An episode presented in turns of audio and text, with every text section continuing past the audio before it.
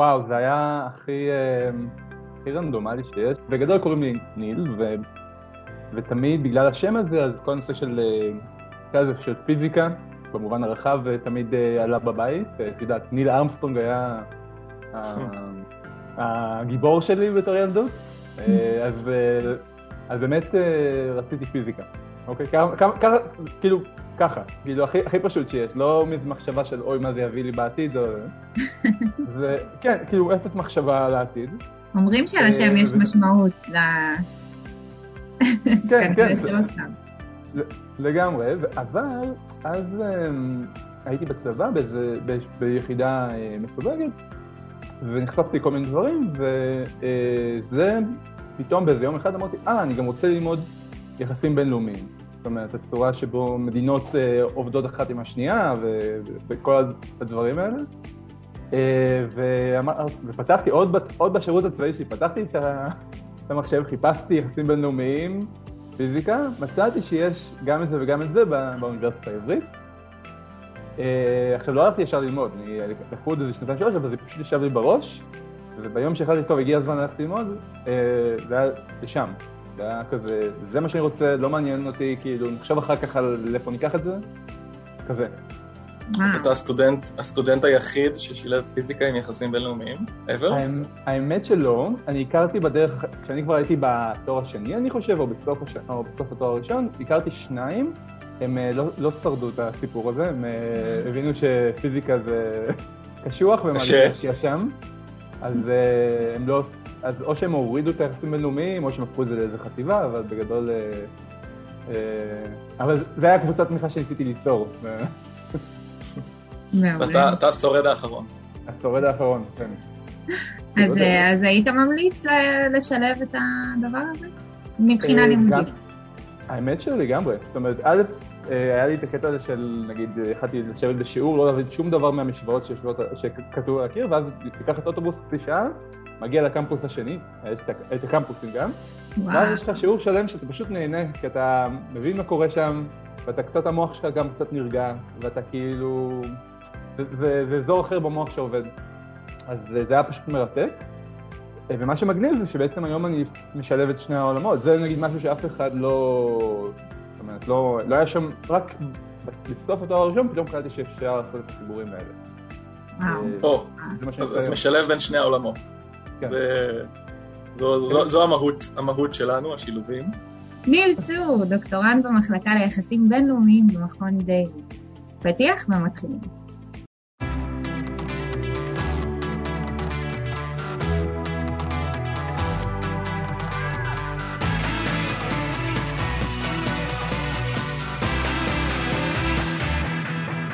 PhD. איך לעשות יותר מהדוקטורט שלכם. אני ברק דרור, דוקטורנט למיקרוביולוגיה באוניברסיטה העברית, עם קהילת היזמות ופקולט על חקלאות. ואני רלי בריל, יזמת חברתית, מייסדת קהילת אימהות באקדמיה, ומלווה נשים ואנשים בדרך אל התואר. אנחנו כאן כדי לשמוע דוקטורנטים ודוקטורנטיות שעשו יותר מהדוקטורט שלהם. שנתחיל? אז יש לנו מסורת אה, בפודקאסט הזה, שאנחנו נותנים לך אה, אסוציאציות, מילה, ואתה צריך אה, להגיד את כל מה שעולה לך לראש אה, בהקשר למילה הזאת, ותנסה לעשות את זה ככה מהר, באיזה מילה שתיים, אוקיי? אנסה. תנסה. מוכן? כן. דוקטורט. עושה. חו"ל. כיף. נטפליקס? התמכרות. בית. שקט. ויש לנו מילה חמישית ואחרונה, אבל אנחנו ניתן לך אותה בסוף, אוקיי? יש. מגניב.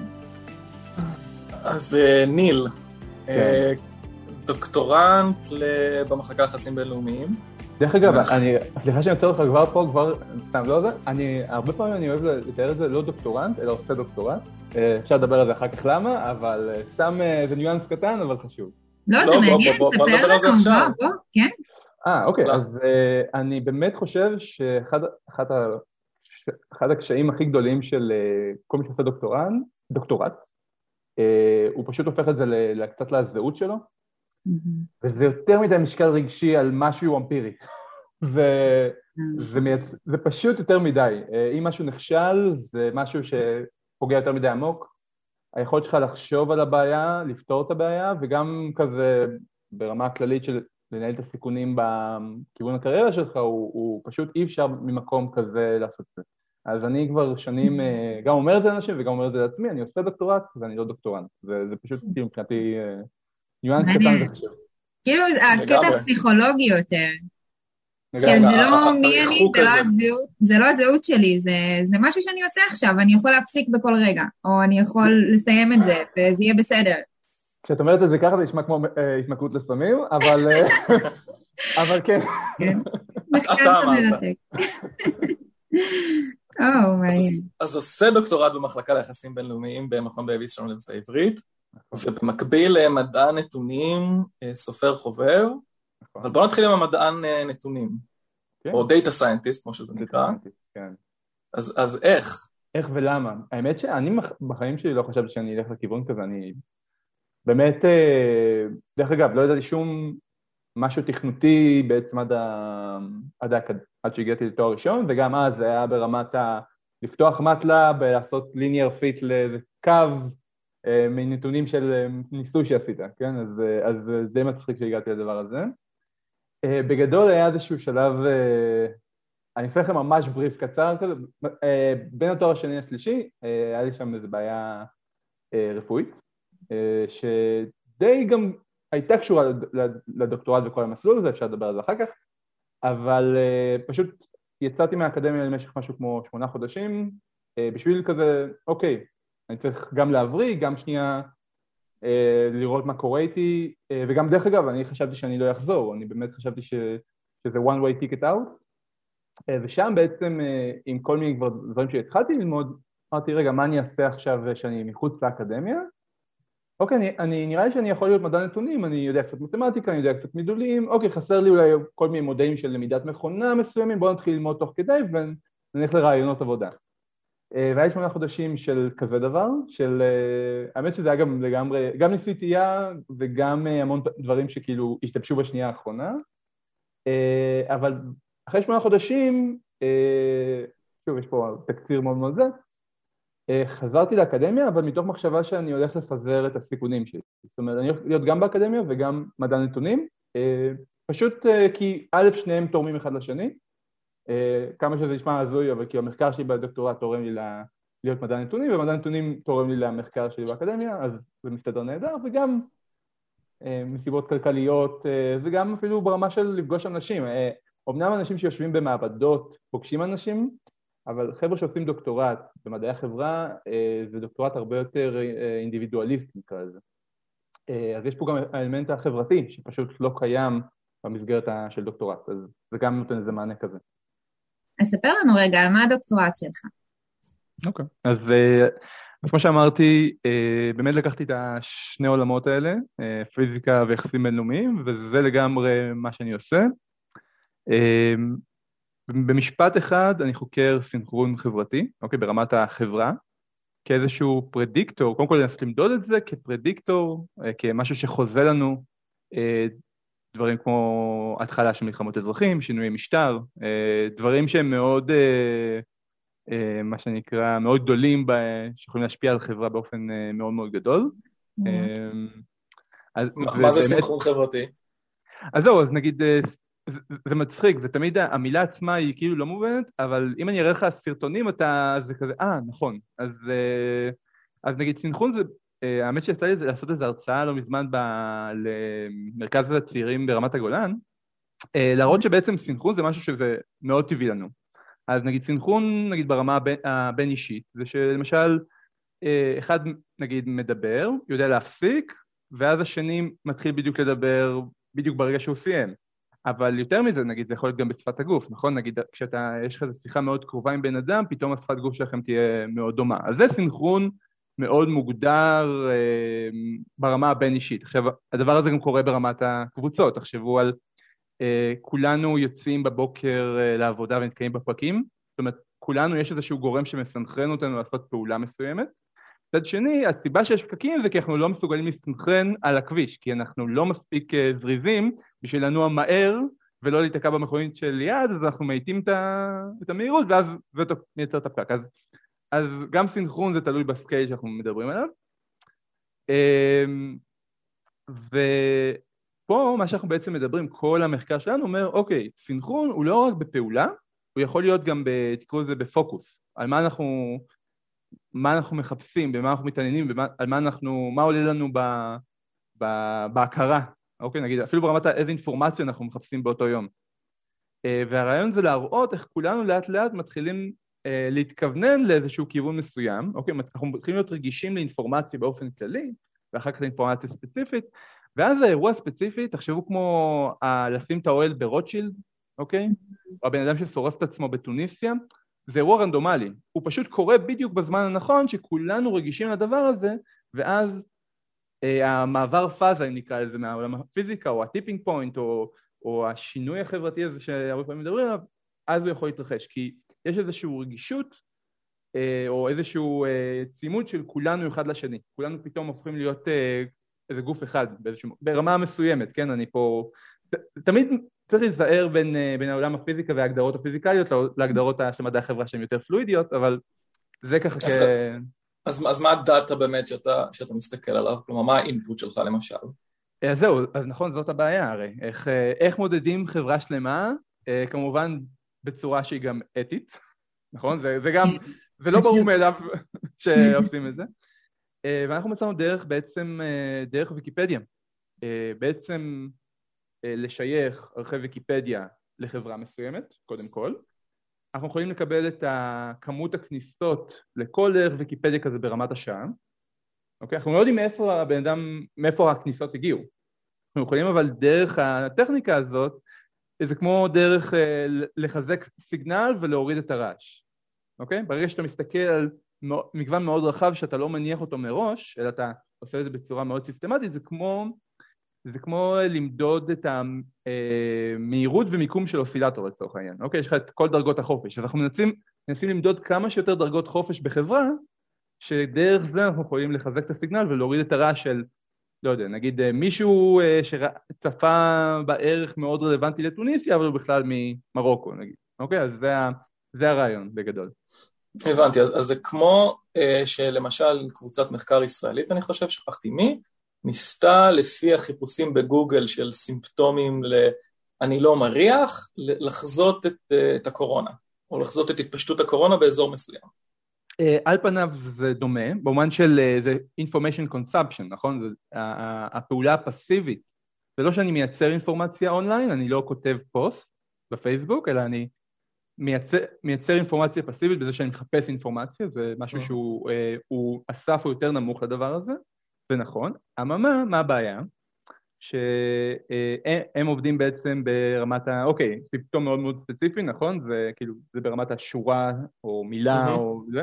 ואנחנו פה מדברים על, כשאני מדבר על כמות ערכי ויקיפדיה, אז מדינה יכולה להיות מיוצגת על ידי 100 אלף ערכי ויקיפדיה שונים, בו זמן שלכל אחד מהם יש לנו כמות כניסות. זה scale הרבה יותר גדול, כדי שוב, אה, אה, אתה בוא נאמר, אתה אף פעם לא יודע מאיפה זה יגיע, נכון? המהפכה הבאה והמלחמת האזרחים הבאה, אתה לא יודע מאיפה זה יגיע, כי באמת, מה שאנחנו תמיד רואים בספרות של מדעי החברה, אה, כל פעם זה משהו מאוד ייחודי, וזה קומבינציה ייחודית. אז אתה לא יכול להניח פה את הדבר שבפנדמיק זה דווקא הרבה יותר אה, פשוט. כן, זה אה, ספציפי, אוקיי. דרך אגב, האמת שהבעיה בטכניקה שלהם, עוד דבר, סליחה שאני ככה, אני מאוד מעריך את העבודה שלהם דרך אגב, לא, אני מבין, אני עקבתי אחרי רן סגל והחבורה של, באמת עשו עבודה נהדרת. אה, דרך אגב, יצא לי גם לייעץ תוך כדי הקורונה לממשלה, אבל לא משנה, זה נושא אחר. אנחנו נדבר על זה. נדבר על זה. בוא נאמר, בפנדמיק הבאה הם עוד פעם יצטרכו לחפש מה התסמינים שהם צריכים לחפש בגוגל. אז, אז, אה, אז זה לא משהו שהוא סיסטמטי, זה תלוי המגפה. אה, שוב, אבל, אבל זה לגמרי הכיוון, אתה לגמרי צודק, ונראה לי הרחבתי על זה מלא, אולי אובר, שיממנו את השומעים והרואים. לא, לא, זה, תקשיב, אני לא מגיעה מהעולם הזה וזה ממש מרתק, זה נשמע... אה, אני רק חושבת על מה אפשר לעשות עם זה. ואיך אולי אפשר למנוע, או, או להפך, לחזות ולראות מה, איך אפשר לעשות את זה יותר טוב, או להבין בכלל את כל מה שקורה. נראה לי מגניב לאללה. אני עדיין צריכה להבין את הקטע הפיזיקלי בזה, כלומר, אני הבנתי את הקטע של המדעי המחשב עם החברה, את הפיזיקה פחות, אבל ממש ממש מעניין אותי, כי ככה זרקת, אה, על, גייצתי לזה, אז אנחנו פה בעצם כדי לדבר על מה עושים מעבר לדוקטורט. אה, נכון. אז מה עשית מעבר לדוקטורט? למה אתה כאן? וואי, אה, אוקיי. אז קודם כל, מבחינת מה הניע אותי לעשות עוד דברים שהם לא דוקטורט, אז אני אזרוק לכם ממש בקצרה את איך אני רואה את זה, ואז מה עשיתי. אז דבר ראשון, אחד הדברים שאני הבנתי מאוד מאוד מוקדם, שדוקטורט זה לא המחקר שלי, זה הבירוקרטיה של המחקר שלי. אוקיי? זה צריך בסוף לעמוד בדרישות מאוד ספציפיות כדי לקבל את התואר הזה. אז זה כבר דבר ראשון כדי להרחיק אותנו מ... אוקיי, זו דרישה בירוקרטית וזה לא המחקר שלי. אז כבר, זה דבר ראשון. דבר שני, האקדמיה, שיש לה המון יתרונות, אבל בעצם היא מאוד טובה בלכוון אותך למסלול האקדמי, אוקיי? זאת אומרת, אה, לא בטוח שזה הדבר הכי עדכני נכון להיום, כי השוק, לצורך העניין, כמות הדוקטורנטים שיכולים להיכנס לתפקיד אחר כך היא פשוט... זאת אומרת, רוב ההסתברות היא נגדך, לא משנה אה, למה, פשוט יש פחות תקנים מאשר אה, דוקטורנטים שמסיימים, עושי דוקטורט. והדבר השלישי, זה שבסוף, אה, כשאתה מתחיל, מתחיל דוקטורט, זה כמו לקנות את המניה של עצמך, אוקיי? אתה קונה מניה, אתה מקווה שהערך שלה בעוד 3, 4, 5, 6 שנים יעלה, ואחר כך נראה, ואז או נמכור אותה, או אה, נעשה, ניכנס עוד, אז, אז אתה צריך לנהל פה סיכונים, ברגע שעשית את הדבר הזה. כל שלושת הדברים האלה, שהאמת שניסיתי לחשוב על ראשי תיבות לזה, אבל יצא לי רק באסה, בירוקרטיה ו... לא במקרה. כן? לא יודע, ניסיתי... מה זה בירוקרטיה? בירוקרטיה, סיכון והסללה. אוקיי. הסללה למסלול האקדמי, כמובן. בדיוק, בדיוק. אוקיי. אה, אז זה שלושת הדברים שככה הובילו אותי לעשות, אוקיי, אני אעשה חוץ מהדוקטורט עוד דברים. אז מה עשיתי? אז אה, האמת שבדצמבר 19, כמה חודשים לפני הקורונה בדיוק, אה, סיימתי להוציא לאור אה, ספר פיזיקה לילדים, שכתבתי לאחיינית שלי, אבל אה, זה היה כזה, אמרתי, אוקיי, האמת שזה, למה לא להפוך את זה לפרויקט שאני, שהוא קצת כמו כרטיס ביקור באיזשהו מקום, כי זה בעצם להנגיש מדע, גם אם זה מדע מאוד בסיסי ו- וכולי, זה להנגיש מדע לילדים בני 7 עד 11, בעבר... לנסות לעשות את זה בשפה שמבינים, באנלוגיות או משהו שהוא גם לא ארוך מדי, לא מתיש מדי. אה, אז זה יצא בדצמבר, נגיד. אמ, מה, זה היה במימון המונים כזה? אפילו לא זה, עשיתי... אני, אני מאוד אוהב את הדברים האלה של Keep it simple stupid, וגם uh, דברים שלא עכשיו ידרשו למרות שלי, יש לי יותר מדי התפרצויות, פשוט uh, אתר, uh, לא יודע אם לעשות uh, פה פרסומת, זה לא פרסומת, אבל uh, ברגע שיש לך איזשהו קובץ שהוא זה, אתה יכול להעלות אותו לאתר uh, עברית, אוקיי? כן. בגרסה אלקטרונית, האמת שאני מת לעשות איזה עותק פיזי, כרגע אני, יש איזה, כאילו אני בקשר עם אנשים, אבל אני גם לא רוצה, זה, זה בסוף לא הדיי ג'וב שלי. אוקיי. אז אחר כך תשלח לנו איזה לינק שנשים, ולמי שככה יש לו ילדים אה, קטנים, כן. נגיד כמוני, בגילאים המתאימים, יוכל לקנות ספר פיזיקה. אבל אני רק אראה לכם נגיד תזמון של איך הדברים האלה גם מצטברים, יש איזו הצטברות של מסה קריטית עם הדברים, כי מה קרה אחר כך? אוקיי, זה היה דצמבר 19, אה, דרך אגב הייתי בחו"ל, חזרתי ב-29 לפברואר, אה, בדיוק סיימתי עבודה, אה, חזרנו לארץ, גם לא הייתה לנו דירה, ו... ואז קורונה, נכון? זה היה, מישהו זוכר את הדבר הזה? היה קורונה פתאום. ואנחנו היינו הראשונים שנכנסנו לבידוד, כי הגענו בדיוק מגרמניה, ואז, אוקיי, מה עושים עכשיו? ואמרתי, טוב, בואו בוא ננסה לעשות משהו לציבור. אה, היה 96 חולים באותו רגע בארץ, ואמרתי, רגע, זה, אוקיי, עלייה אקספוננציאלית פשוטה, אה, בואו נחשב מה יהיה מחר. כמה חולים הולכים להיות מחר? כי ראיתי שהכותרות מאוד מפחידות, אה, והמספרים אומרים, המספר זינק ל, וזה, אנחנו יודעים, האפקט הפסיכולוגי הוא, הוא משמעותי פה. זאת אומרת, אם זה משהו שנצפה שמחר נעלה למספר הזה, זה לא הגיוני להגיד המספר זינק. המספר עלה כמצופה, זה לא... אז זה כל מה שניסיתי לפתור. משהו מאוד מאוד מאוד ספציפי, ולא לחזות מה יהיה בעוד שבועיים או חודש, שזה, דרך אגב, כל קהילת מדעני הנתונים ניסתה לעשות את זה, ודי... זו מערכת מורכבת, זו הסיבה שזה קצת לא עבד, והאי ודאות הייתה אה, די גדולה. ועשית את זה במסגרת כי זה עניין אותך.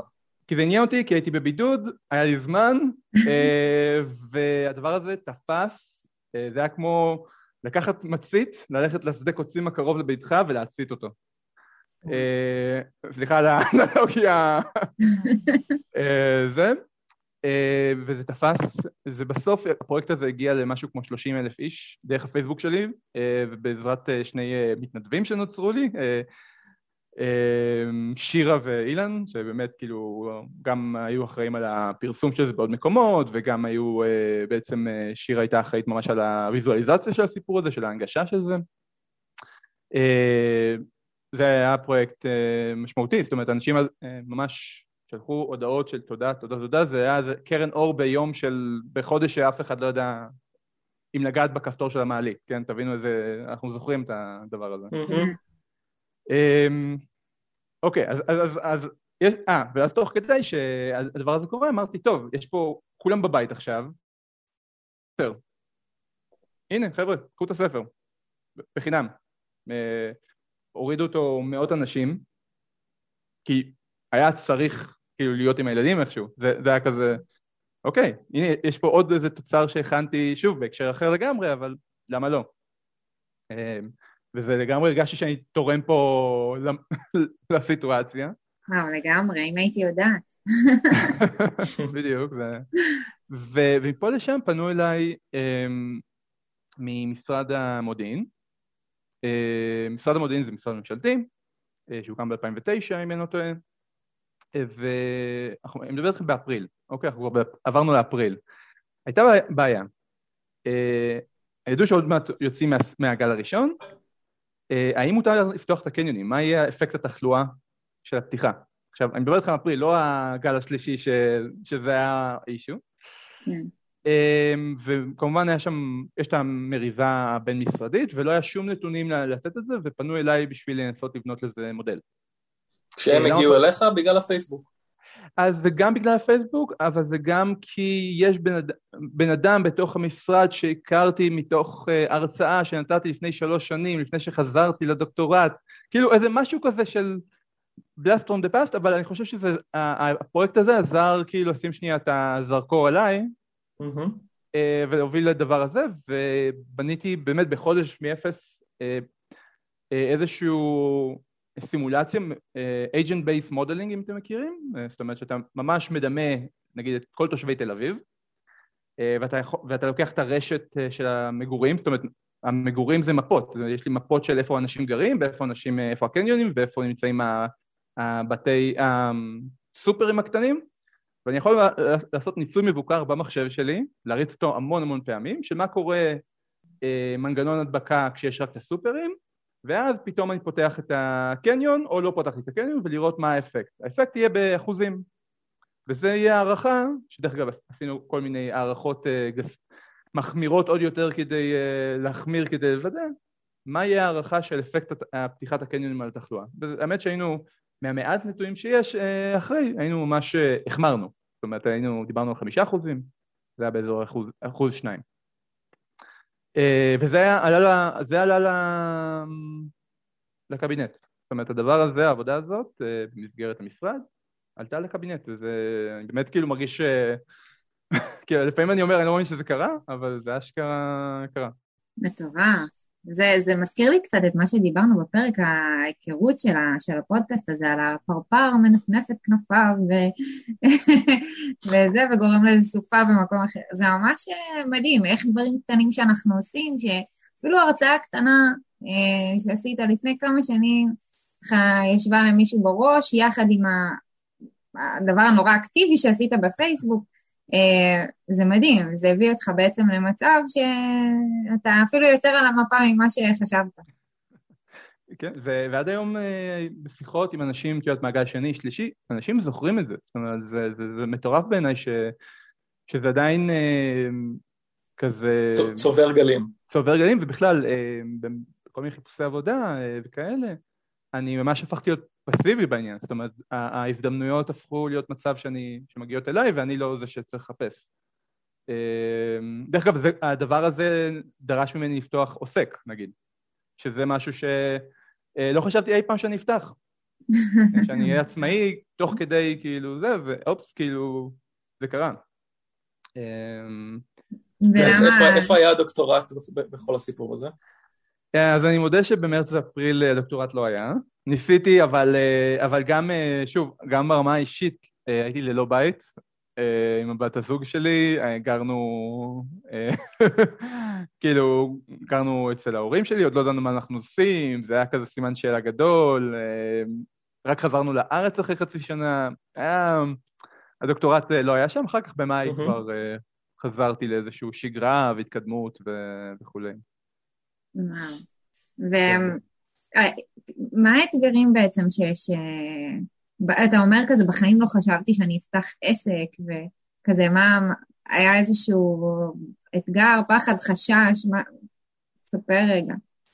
וואי, um, א', זה, זה לא היה פחד כל כך, כי מבחינתי זה היה חלק מהניהול סיכונים. זאת אומרת, אני עדיין, אה, כחלק מהיותי דוק, אה, עושה דוקטורט, אה, אני עדיין מקבל איזושהי מלגה חודשית קבועה מהמחלקה וממכון דייוויס, כחלק מהתוכנית שאני נמצא בה, שזה תוכנית תלם.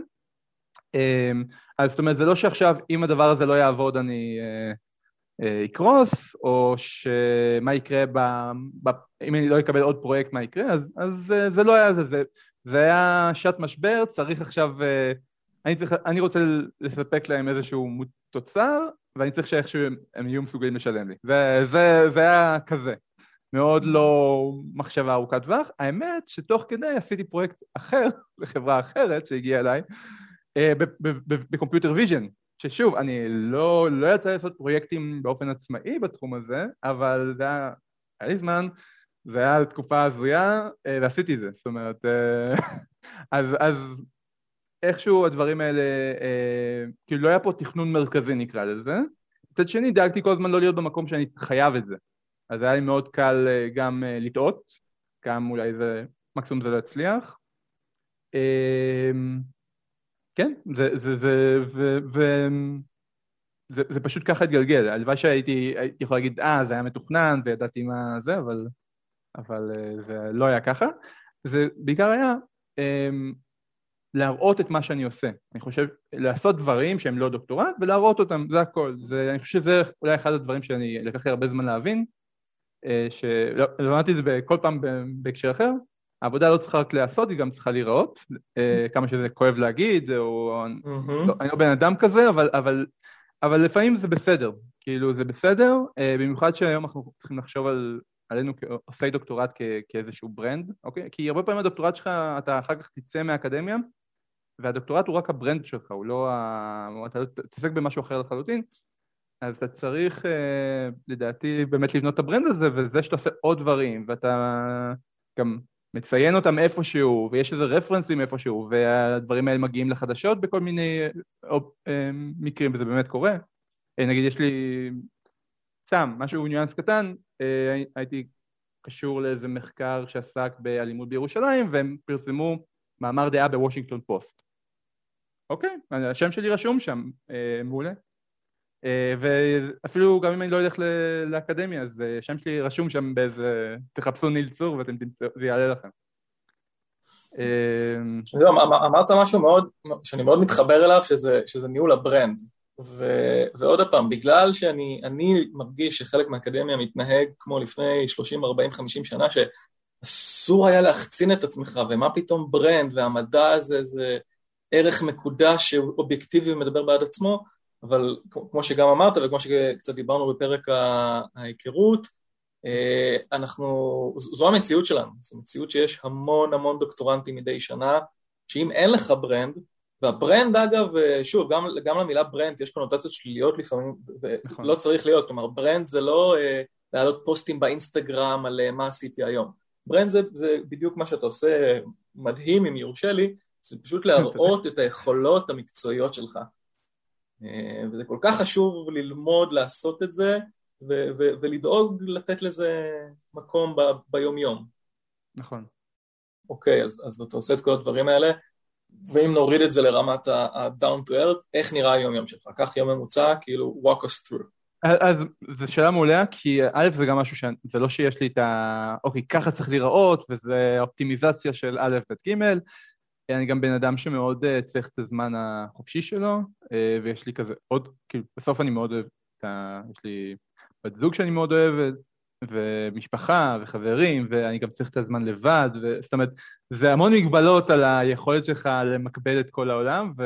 ולכן אני... אה, באיזשהו מקום אני מנסה למקסם את, את הזמן שאני לא עובד, שאני לא עושה דברים. כן. אמ, אז יום טיפוסי מבחינתי קודם כל זה הפרדה, אני עושה, אני לא אוהב את הימים האלה שאתה כזה עובר בין דברים, זה עושה לי רע, זה יותר מדי, כאילו קשה לי, זה דברים שהם דורשים קוגניטיבית, אז לעבור ממשהו אחד לשני לא עושה לי טוב, אז קודם כל הפרדה בימים. Uh, השעות עבודה הכי טובות שלי זה באמת, ופה רק שתבינו כמה היה לי חשוב uh, שנקיים את השיחה הזאת, נגיד uh, 9 עד 12 זה הזמן זהב, אה, ואחר כך אני פשוט אה, דועך, אז, אז בפועל אני מרגיש שאפק, כאילו, אפקטיבית, הדברים הבאמת ה-heavy lifting 9 12, אז נגיד דוקטורט, אה, לפתור בעיות, לקדם את זה, זה הכל נכנס שם. ואז בחלק השני של היום נכנס יותר הדברים הרכים, נגיד החל מ... אני צריך לטפל באיזה בירוקרטיה, לשיחות טלפון, לקדם אולי פרויקטים, נגיד למשל, אני עכשיו, נגיד עשיתי, כמו שאמרתי לכם, עשיתי הרצאה על סינכרון אה, למרכז הצעירים ברמת הגולן, עכשיו אני כזה, בא לי לעשות את זה בעוד קונטקסטים, עכשיו שאפשר לעשות את זה בפאבים, אז בא לי לעשות את זה בפאב. Mm-hmm. שוב, כי זה כזה להנגיש מדע לבני, לאנשים שלא קשורים, ולמה לא? כאילו, זה ממש, מבחינתי זה כיף, זה לא דורש ממני הרבה, ו, ואם אני יכול ללמד משהו, אז למה לא? אז זה יקרה נגיד בחלק השני, שאני נגיד אשלח כמה מיילים וכולי וכולי. באופן כללי אני מאוד מנסה לא להתיש את עצמי, גם דרך אגב יש לי עוד פרויקטים שלא הזכרתי, שיש נגיד איזה פרויקט שהוא אישי שלי שאני כאילו לא אזכיר פה, אבל uh, חלק מהעניין של ניהול סיכונים אז זה, אתם יכולים לדמיין מה זה יכול להיות, אבל uh, משהו בהקשר הזה. זהו, אז בגדול אני באמת מנסה לא לעבוד אחרי חמש, אוקיי? זה גם איזה משהו שזה... אין, אין, ככה, אין לי ילדים, כן? אז, אז ברור לי שיש הורים שאומרים, רגע, מה אתה מדבר? אני בארבע כבר מפסיק אה, להיות, אה, אני צריך להיות הורה, אז כאילו זה לא מחדש לי. אבל ממש מנסה שלא, אה, גם, שוב, מנסה גם לא לעבוד בשעות שאחר כך, כי אם אני עובד בשעות שאחר כך, אני יום אחרי זה מאוד גמור ועייף, אז, אז יש פה זה כל הזמן לאזן את הדבר הזה, גם אה, לעשות פרויקטים, אבל גם לא לקרוא את עצמי, אה, גם לא לעבוד בסופש, כאילו, אני יודע שזה נשמע נורא, אבל גם, צריך את המנוחה. Uh, בכלל, אחד הדברים שאני למדתי על עצמי, שאני צריך תמיד את ה... יש את החשיבה האקטיבית, שאתה מנסה לפתור את הבעיה, ואז אתה צריך את הזמן הזה שאתה מתעסק במיליון דברים אחרים, כדי כאילו לפתור את הבעיה בצורה פסיבית, שאיפשהו מאחורי המוח, בזמן שאתה מתקלח וכולי, פתאום יפול לך איזה תובנה. אז כאילו, אז אני, אני ממש חושב על זה כמו איזה זמן שנדרש ביום. Uh, אם אני לא אעשה את זה, אם אני לא אשטוף כלים בשקט, נגיד, אז, אז אני לא אוכל לפתור את הבעיה, כי המוח שלי יעבוד יותר מדי קשה לפתור את הבעיה. צריך את הדבר הזה. זה אחלה טיפ, אחלה טיפ שבעולם. כן, קשה לעשות אותה, כי שוב, אנחנו מאוד, אה, אה, לא יודע אם הסלילו אותנו בבית ספר לזה או איפשהו, אבל אה, הפונק... אם אה, נתעקש על פונקציה, הפונקציה אומרת יותר זמן שווה יותר תוצאה, נכון? תוצאה מיטבית mm-hmm. יותר, וזה לא עובד ככה בדברים אה, קוגניטיביים, אה, זו הסיבה ששמונה שעות עבודה לא הגיוניות לדעתי. אה, וואי, פה עכשיו אני יוצא נגד תרבות העבודה באופן כללי. הקפיטליזם הקלאסי. כן, אני שוב, כמו שאמרתי, לעבוד כמה שפחות, אבל לעבוד יותר טוב. כאילו, אני באמת חושב שהדברים היצירתיים באמת באים ככה. אה, לא שאני טוען שאני יצירתי, אבל אני מנסה להיות. אז... כן, שלא לציין שאני בדיוק עכשיו קורא ספר שנקרא The Distracted Mind, של פסיכולוג ונוירולוג אמריקאים, והם בעצם כותבים אה, שאבולוציונית אין כזה דבר multitasking, זה איזושהי המצאה של המאה ה-21 שאנחנו מנסים לשכנע את עצמנו, אבל multitasking זה בהכרח שתי משימות שאתה עושה באיכות נמוכה יותר. ועדיף כן. להתמקד במשימה אחת, לעשות אותה באיכות מאוד טובה, לסיים אותה ולעבור למשימה הבאה, לא לנסות למקבל. כן, למרות שהדברים שאנחנו... זה עניין של סמנטיקה, כי אני עושה מלא דברים במקביל, אבל כל פעם מתרכזת בדבר אחד. כמו שעכשיו אנחנו יושבים ומתרכזים ועושים את הפודקאסט, ואני לא כותבת תוך כדי לפרויקט של האימהות סטודנטים. כן, כן, כמובן, כמובן. נכון. כן. הפעולות. כן. דרך אגב, זה מתחבר, רק מה שאמרת, למה שהתחלנו לפני שהקלטנו. אה, שוב, כדי אה, שאני ארגיש שאני עובד כמה שיותר יעיל, כשאני כן עובד, אה, אז נגיד, אחד הטיפים שהזכרתי זה הקטע של לעבוד עם מסך של שחור לבן. כי נגיד גיליתי שא' נגיד פייסבוק זה תמיד משהו שמושך אותנו, אז פתאום פייסבוק בשחור לבן נהיה הרבה פחות מעניין, גם לינקדין הופך להיות הרבה פחות מעניין. הצורך שלי לאבד צבע לאורך היום, המוח שלי עובד בלאבד, אוקיי, זה, צ... זה צהוב, זה אדום, זה כחול, זה מפעיל פעולות במוח. אני שם לב כשאני לא צריך לעשות את זה, אני מסיים את היום הרבה יותר רגוע.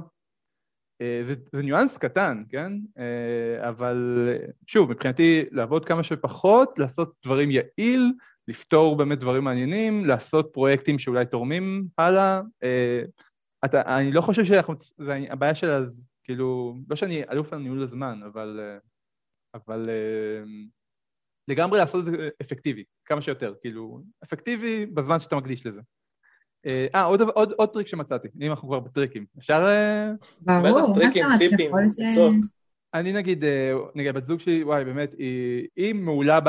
דיברנו על ה multitasking, אז היא מעולה בניהול זמן. היא מעולה, יש לה משימות, והכל זה, והכל מנוהל, והכל בלו"ז וזה, ואצלי זה מכניס לחרדה. כשאני רואה, מתחיל את היום ואני רואה רשימה של דברים שאני כזה, אוי, לא, וכאילו... אז, אז, אז לאחרונה הפסקתי עם זה, ואני עושה משהו אחר. אה, אני אומר, מה הדבר הכי דחוף שאני צריך לעשות היום? מעבר לדברים שאני יודע שאני אעשה, שזה הדוקטורט וכאילו כמה רובריקות, האבנים הגדולות כזה בזה, מה הדבר הכי דחוף שאני אעשה היום? ואני מוודא שאני עושה את זה וזהו, ואז כל דבר אקסטרה שאני רוצה לעשות זה בונוס, אבל זה, זה הכל, זה, זה נשמע קטן, אבל אז אני פתאום כל הדברים האלה, אתם יודעים, הבירוקרטיה הזה של לעשות ביטוח בריאות נגיד, אוקיי? כאילו הדבר אה. שאף אחד לא רוצה לגעת בו פתאום כן. אתה עושה את זה, כי זה הדבר היחיד ש... you had one, one job, מה שנקרא, for today. אז, אז אה, זה גם מאוד אה, מקל עליי, זה תופס לי פחות במוח, כאילו הכל רשום איפשהו, אני רק צריך פשוט להגיע לזה, וברגע שזה לא רשימה ארוכה למשימה אחת לאותו יום, הרבה יותר אה, פשוט. לי זה עוזר, אבל שוב, יש אנשים שאוהבים את ה... אוהבים למחוק המון משימות באותו יום, אז... כן, את הצ'קליסט. זה הצ'קליסט, כן, אותי זה מכניס לחרדה, הצ'קליסט הזה, זה פשוט. אז, אז, אז אני, רוצה, אני רוצה לשאול, אה, עוד פעם, אני, אני מגיע מהמד, מהמדעים הניסויים, איך שזה נקרא באוניברסיטה העברית, מביולוגיה, ואצלנו החשיבה היא עדיין אה, א' עד ה', שמונה, תשע שעות ביום. אה, זו הציפייה, אה, אני מניח שהמלגות מותאמות אצלנו לסיפור הזה. אז איך המנחים שלך מקבלים את, ה... את שאר העיסוקים שלך? כלומר, איך זה עובד בתכלס, במערכת כן. היחסים כן. שלך מולם? וואי, האמת שזו שאלה נהדרת, כי נכון, זה כאילו לא, לא דיברנו על זה בינינו, אבל זה לא מובן מאליו ההתנהלות הזאת שלי, אה, כשאתה במעבדה, אין כזה דבר, 9 to 5, א' עד A כמו שאמרת. אה, אני מודה שאני לא יודע איך מנחה במעבדה כזאת יקבל דבר כזה. אה, נשמע לי שוב, זה פחות אה, יעודדו אותך לדבר כזה, אה, בסוף זה כסף שהרבה פעמים ראש המעבדה נותן ישירות, נכון? זה הרבה פעמים הסיפור. בניגוד כן. לפה, שזה, שזה אני נגיד מקבל את הכסף אה, שלי מה, מהתוכנית, ואז במעמד, זה מעמד קצת שונה, לדעתי, כאילו היחסים פה הם, הם שונים בהקשר הזה. והם יודעים על הדברים שאתה עושה? כלומר... זהו, לחלוטין המנחים שלי, ובאמת, פה זה גם עניין של יותר מזל משכל, כן? אני מרגיש ששכל לא היה לי בסיפור הזה, אבל היה לי מזל שהם אה, אה, לגמרי תומכים בזה. אה, יותר מזה, אה, דני המנחה שלי אה, אפילו עזר לחלק מהדברים האלה לקרות. זאת אומרת, אה, לפעמים באים אליו באיזה משהו, ואז כזה הוא זורק את השם שלי, שאה, אתם צריכים בעצם אותו. אה, אני כאילו יכול לעזור לכם באלף וג' הוא יכול בד' ה' ו'. אז, אז שזה אה, מדהים, בעיניי זה מה זה לא מובן מאליו, אה, אני באמת חושב שזה לא מובן מאליו. ו, אה, ואני חושב שהדרך שאני כאילו קצת, לפעמים אני אומר, האם אני משלם מספיק את, ה, את החוב שלי מולם כזה? זה, זה, זאת השאלה שאני תמיד שואל את עצמי, האם אני מצדיק את היותי עושה דוקטורט תחת ההנחיה שלהם? אז א', שוב, פה דני יאמר זכותו, גרם לי לחשוב על בכלל דוקטורט כאיזושהי עבודה משותפת, ולא כזה קצת כאילו אה, איזשהו מעמדות, אני חושב שזה משהו שכבר עזר לי ככה להתמודד עם סיטואציה.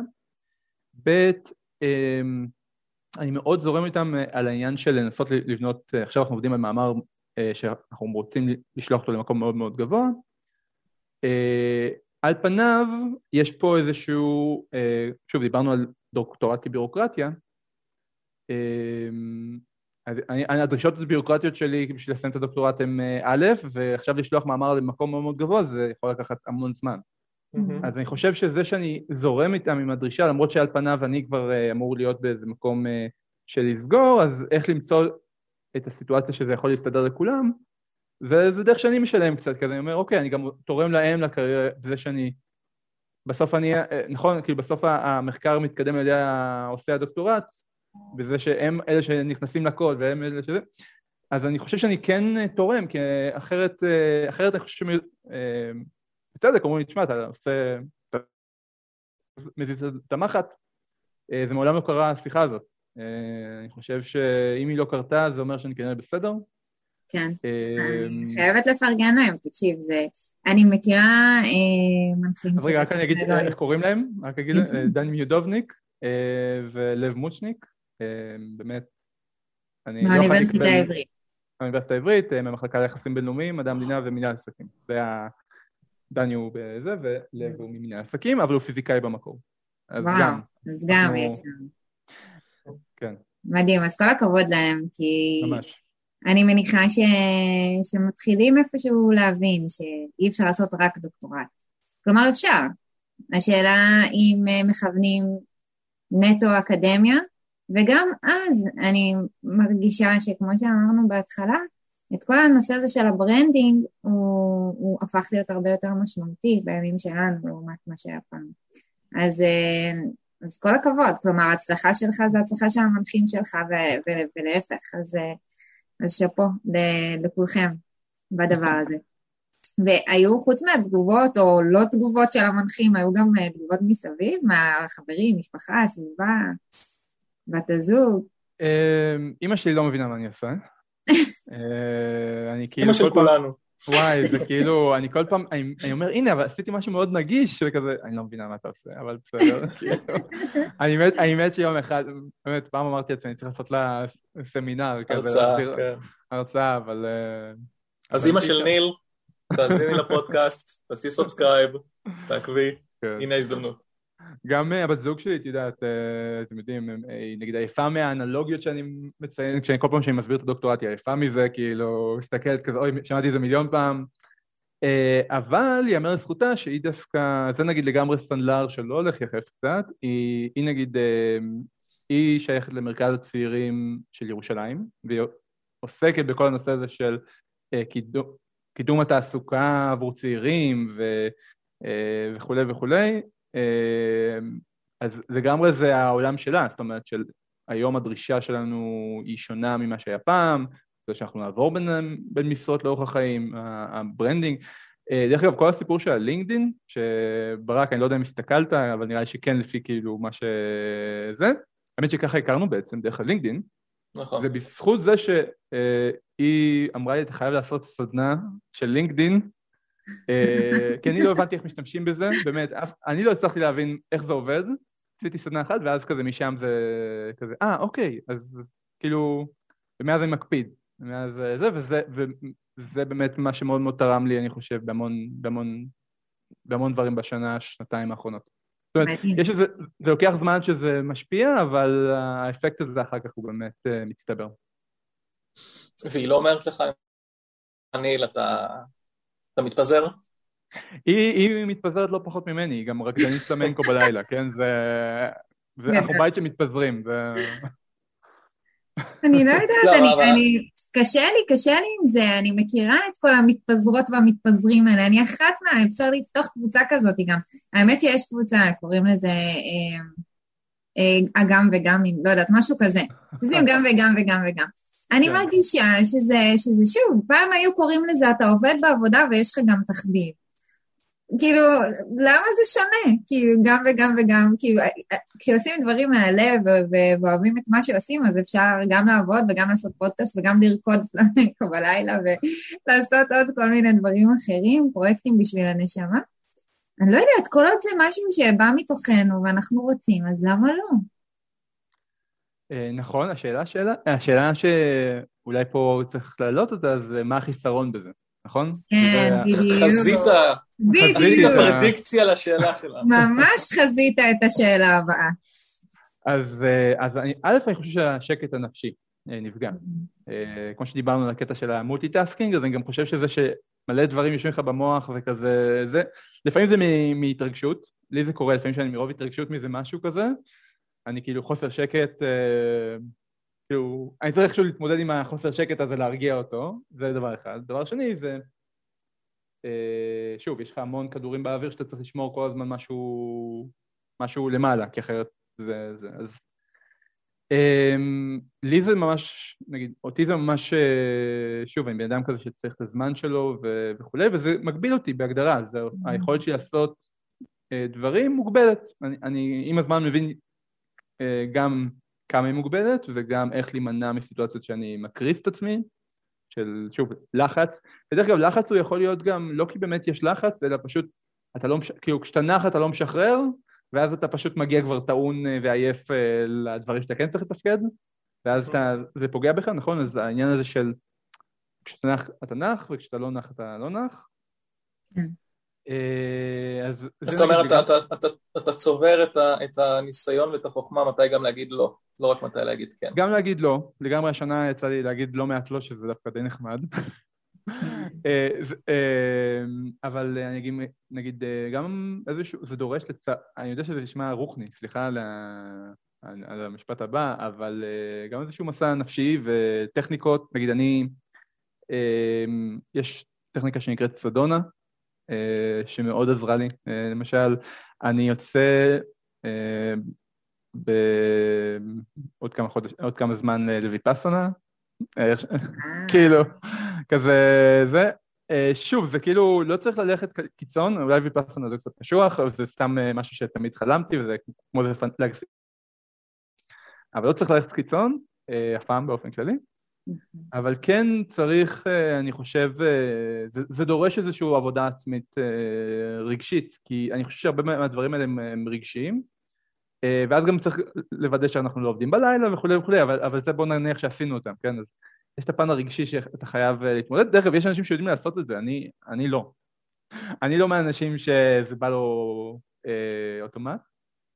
אמ, וזהו, והאמת שעוד טכניקה שאפשר לעשות בהקשר הזה זה לווסת, זאת אומרת יש תקופות שאתה עושה גם וגם כי יש אנרגיות, ואז אם אתה יכול להוריד משהו, לאיזו תקופה כזה לצבור אנרגיה, לצבור תקופה שאתה מתעסק רק במשהו אחד, אז להחזיר, אני חושב שיש בזה, נגיד, אה, אני כרגע עכשיו בתקופה של כמה חודשים טובים ועוד כמה חודשים קדימה של אני אעשה דבר אחד, אה, דבר אחד במובן של שדורש ממני את הזמן שלי באופן קבוע, שזה דוקטורט. אה, לכמה חודשים, אני עכשיו שקט, אה, לא... אני כרגע לא חייב, חוץ מלהתקדמות ולמדע, אני לא חייב לאף אחד שום דבר. אבל עוד איקס זמן זה ישתנה עוד פעם. כן, אני ממש יכולה להזדהות איתך. אני, כל, כל מה שאתה אומר, אני כזה, וואו, נכון. הכדורים שלי גם תמיד ככה, הכל באוויר, ולפעמים יש אחד שאני אומרת, טוב, תנוח שנייה בצד, אני צריכה להתמקד בשאר, יש את הכדורים הקבועים, כן? משפחה, בית, זוגיות, אה, עבודה, כאילו, הכל קבוע, ויש את ה... אפילו לא הזכרתי אותם, כן. מה? אפילו לא הזכרתי את הכדורים האלה אפילו כן, כן, כן, זה אפילו בלי, זה יש את הקבועים, שאין מה לעשות. ומדי פעם אתה ככה מוסיף לך עוד כדור בשביל הכיף, בשביל האתגר, בשביל הנפש, בשביל זה, ולפעמים באמת צריך לשים אותו רגע בצד ולהגיד, שנייה, מתמקדת רגע במה ש...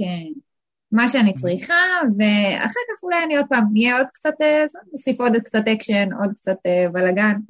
אה, וזה כן, וזה כן, יש, יש, יש, יש את הוויתורים האלה, כמו שאתה אומר, בכל, כמו בכל דבר. וצריך לדעת את זה. דרך אגב, עוד משהו שאפשר לעשות, סתם, אני פה זורק טיפים, כי אני כזה, כל, כל הפילוסופיה שלי עכשיו נזרקת פה... מדהים, ערך, ערך לקהל. אני נגיד מאוד אוהב, שמתי לב שכל הפרויקטים האלה הם דורשים כוח רצון, אוקיי? הם דורשים את הכוח רצון, וצריך באמת לחשוב על הכוח רצון שלנו כמו איזה מאגר. ולכן הדברים החשובים שאנחנו חייבים לעשות, נגיד ספורט, אל תבנו על כוח רצון, אני נגיד ממש מסנדל, אני, המטרה שלי זה לסנדל את עצמי, שלא יהיה לי, שאני לא אוכל, שיהיה לי את המשהו הקבוע שאני משלם, אני יודע שזה נשמע, זה, אני צריך לשלם למישהו כדי לוודא שהדבר הזה קורה. אה, אז אני, אז אה, נגיד, אה, אז ללכת לאימון אימון וללכת ליוגה, זה שאני מוציא את הכסף, אני יודע שזה כאילו נשמע נורא וזה מאוד קפיטליסטי אולי, אבל ככה, אה, ככה אני, בשביל לאפשר לעצמי את הדברים האלה, אני לא רוצה בדברים שהם חשובים לבריאות שלי, לא, לאוכל, לדברים מאוד בסיסיים, כאילו הביולוגים, נכון? ברק, אתה יכול להתחבר לזה, הביולוגים, אה, ששם הכוח רצון לא, לא יידרש. פשוט כאילו שלא יידרש.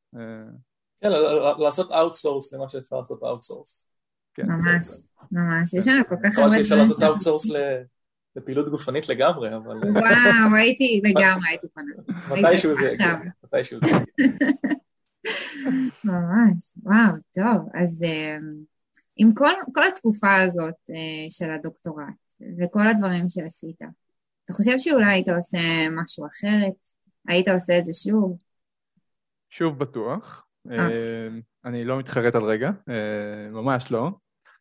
אה, דרך אגב, לא אמרנו, לא, לא הזכרנו את זה, או הזכרתי את זה במשפט, אבל הייתה לי בעצם פריצת דיסק אה, אה, שגרמה לכל התהליך הזה, כאילו זה התחיל מבעיה בריאותית, שגם נבע מעלה, בעצם אני עם הזמן הבנתי שזה היה מלחץ, מלחץ של מה יהיה, מה יהיה כאילו בעוד שנה, כי אני צריך שהמחקר זה יתקדם, ומה יהיה בעוד שלוש שנים מבחינת כסף, ומה...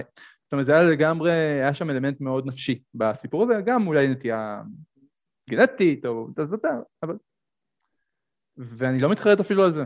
כאילו, אני, אני ממש חושב שבאיזשהו מקום זה היה אה, משפחה שתמיד הגוף מדבר לפעמים, לפני שהמוח קולט, אז כן. אה, הגוף, הגוף דיבר, והוא רצה שאני אקשיב, ו, ומבחינתי זה ממש הוביל אותי לדברים כאילו טובים, זה היה משבר מאוד רציני, אבל, אבל, אבל הנה, החלטתי שאני חוזר לדוקטורט ממקום של ניהול סיכונים, החלטתי שאני עושה עוד דברים, אה, הפרויקט של הקורונה באיזשהו מקום זה תוצר של, אה, נכון, זה תמיד מה הסיבתיות פה, אז כאילו, בגלל פריצת דיסק עשיתי את הפרויקט של הקורונה, לא יודע. אז אני, אני לא מתחרט על הדברים האלה, אני מנסה לחשוב אם, אם יש משהו שאני מתחרט עליו, זה... אבל זה רק, אבל זה לא חוכמה, אבל נגיד, אני מרגיש שהיום הייתי הרבה פחות מתרגש ו... ולחוץ מכל מיני סיטואציות לאורך הדרך, כשהיו לי כמה דברים אה, זה, והיום אני כזה אומר, אה, היום לא הייתי מתרגש מזה, הייתי כאילו, ראית את זה? והשערות הלבנות קצת נוצרו מזה, ואולי הייתי קצת, אה, קצת בלתי לבת זוג, או למשפחה לא מספיק זה, אז על זה אני כאילו ככה, אני מרגיש שעל זה אני מתחרט, אבל, אה, אבל אני מנסה תמיד להזכיר את עצמי בבוקר שאני בוחר את החיים האלה, ו, וכל זה, זאת הבחירה שלי, אז הכל טוב. מקסים. זה הפרק של ה... זה הכותרת של הפרק. ממש. מדהים. פריצת דיסק לקורונה בקניון. יפה. אמ, לסיום. יש לנו את החוב שלנו. לא שכחתי. במשחק האסוציאציות. זה רלי? אוקיי, אז אה, היה לנו דוקטורט חו"ל נטפליקס בית, אה, ומהמילה החמישית היא ניל צור. רגיש. רגיש. אני, אני לא יודע למה זה מה שעלה, אבל... אה, אבל, אבל זה, זה ככה, זה, זה, זה, זה ממש אני. איזה כיף. כמה אנחנו צריכים אנשים רגישים בעולם. מדהים. זה גם, זה גם קשה להיות, גם זה קצת קשה להיות בעולם רגיש, אבל uh, יש לזה יתרונות. נכון, מסכימה איתך, ממש ממש. אני חושבת, אם כולם היו רגישים, אני חושבת שזה היה מקום הרבה, הרבה יותר נעים אה, לחיות בו, רגישים גם לפני עצמנו וגם לסביבה. אה, זה היה יכול להיות מדהים. בדיוק. איך, איך מסנכרנים את הדבר הזה, שכולנו, ככה, כולם יהיו רגישים אחד לשני. וואי, הלוואי. הלוואי. האמת שזה, דרך אגב, הזכרת את אה, תיאוריית הכאוס שם ברקע באיזשהו חצי משפט, זה לגמרי קשור, זאת אומרת, אה, מערכות כאוטיות ו spontaneous synchronization הן שלובות אחת בשנייה. מדהים. כן, אז אה, אולי יום אחד. מה הערכים של ישראל בוויקיפדיה? אה, יש איזה 50 אלף, אני... אה, אוקיי. אבל יש כזה top five? לא משהו ש... אתה יודע, יש את הדברים הבסיסיים כמו מדינת ישראל, הערך ויקיפדיה, מן הסתם מקבל הרבה צפיות. וואי, לא זוכר את האחרים, אבל הרבה פעמים זה פוליטיקאים, שחקני כדורגל. כן, כי זה בטח trending, לא לפי... זה ממש, זהו, זה גם משתנה, נגיד בחגים, נגיד עכשיו בדיוק התקופה הזאת, זו תקופה שאנחנו יותר מסתנכרנים. אה, פסח. הזיכרון, זה... כן, יש ממש איזה תהליך של סינכרון בתקופה הזאת של השנה בישראל. מדהים, מדהים. טוב, אם יש לך עוד מידע על עוד דברים שאתה עושה, תשלח לנו את כל הלינקים, אנחנו נוסיף את זה.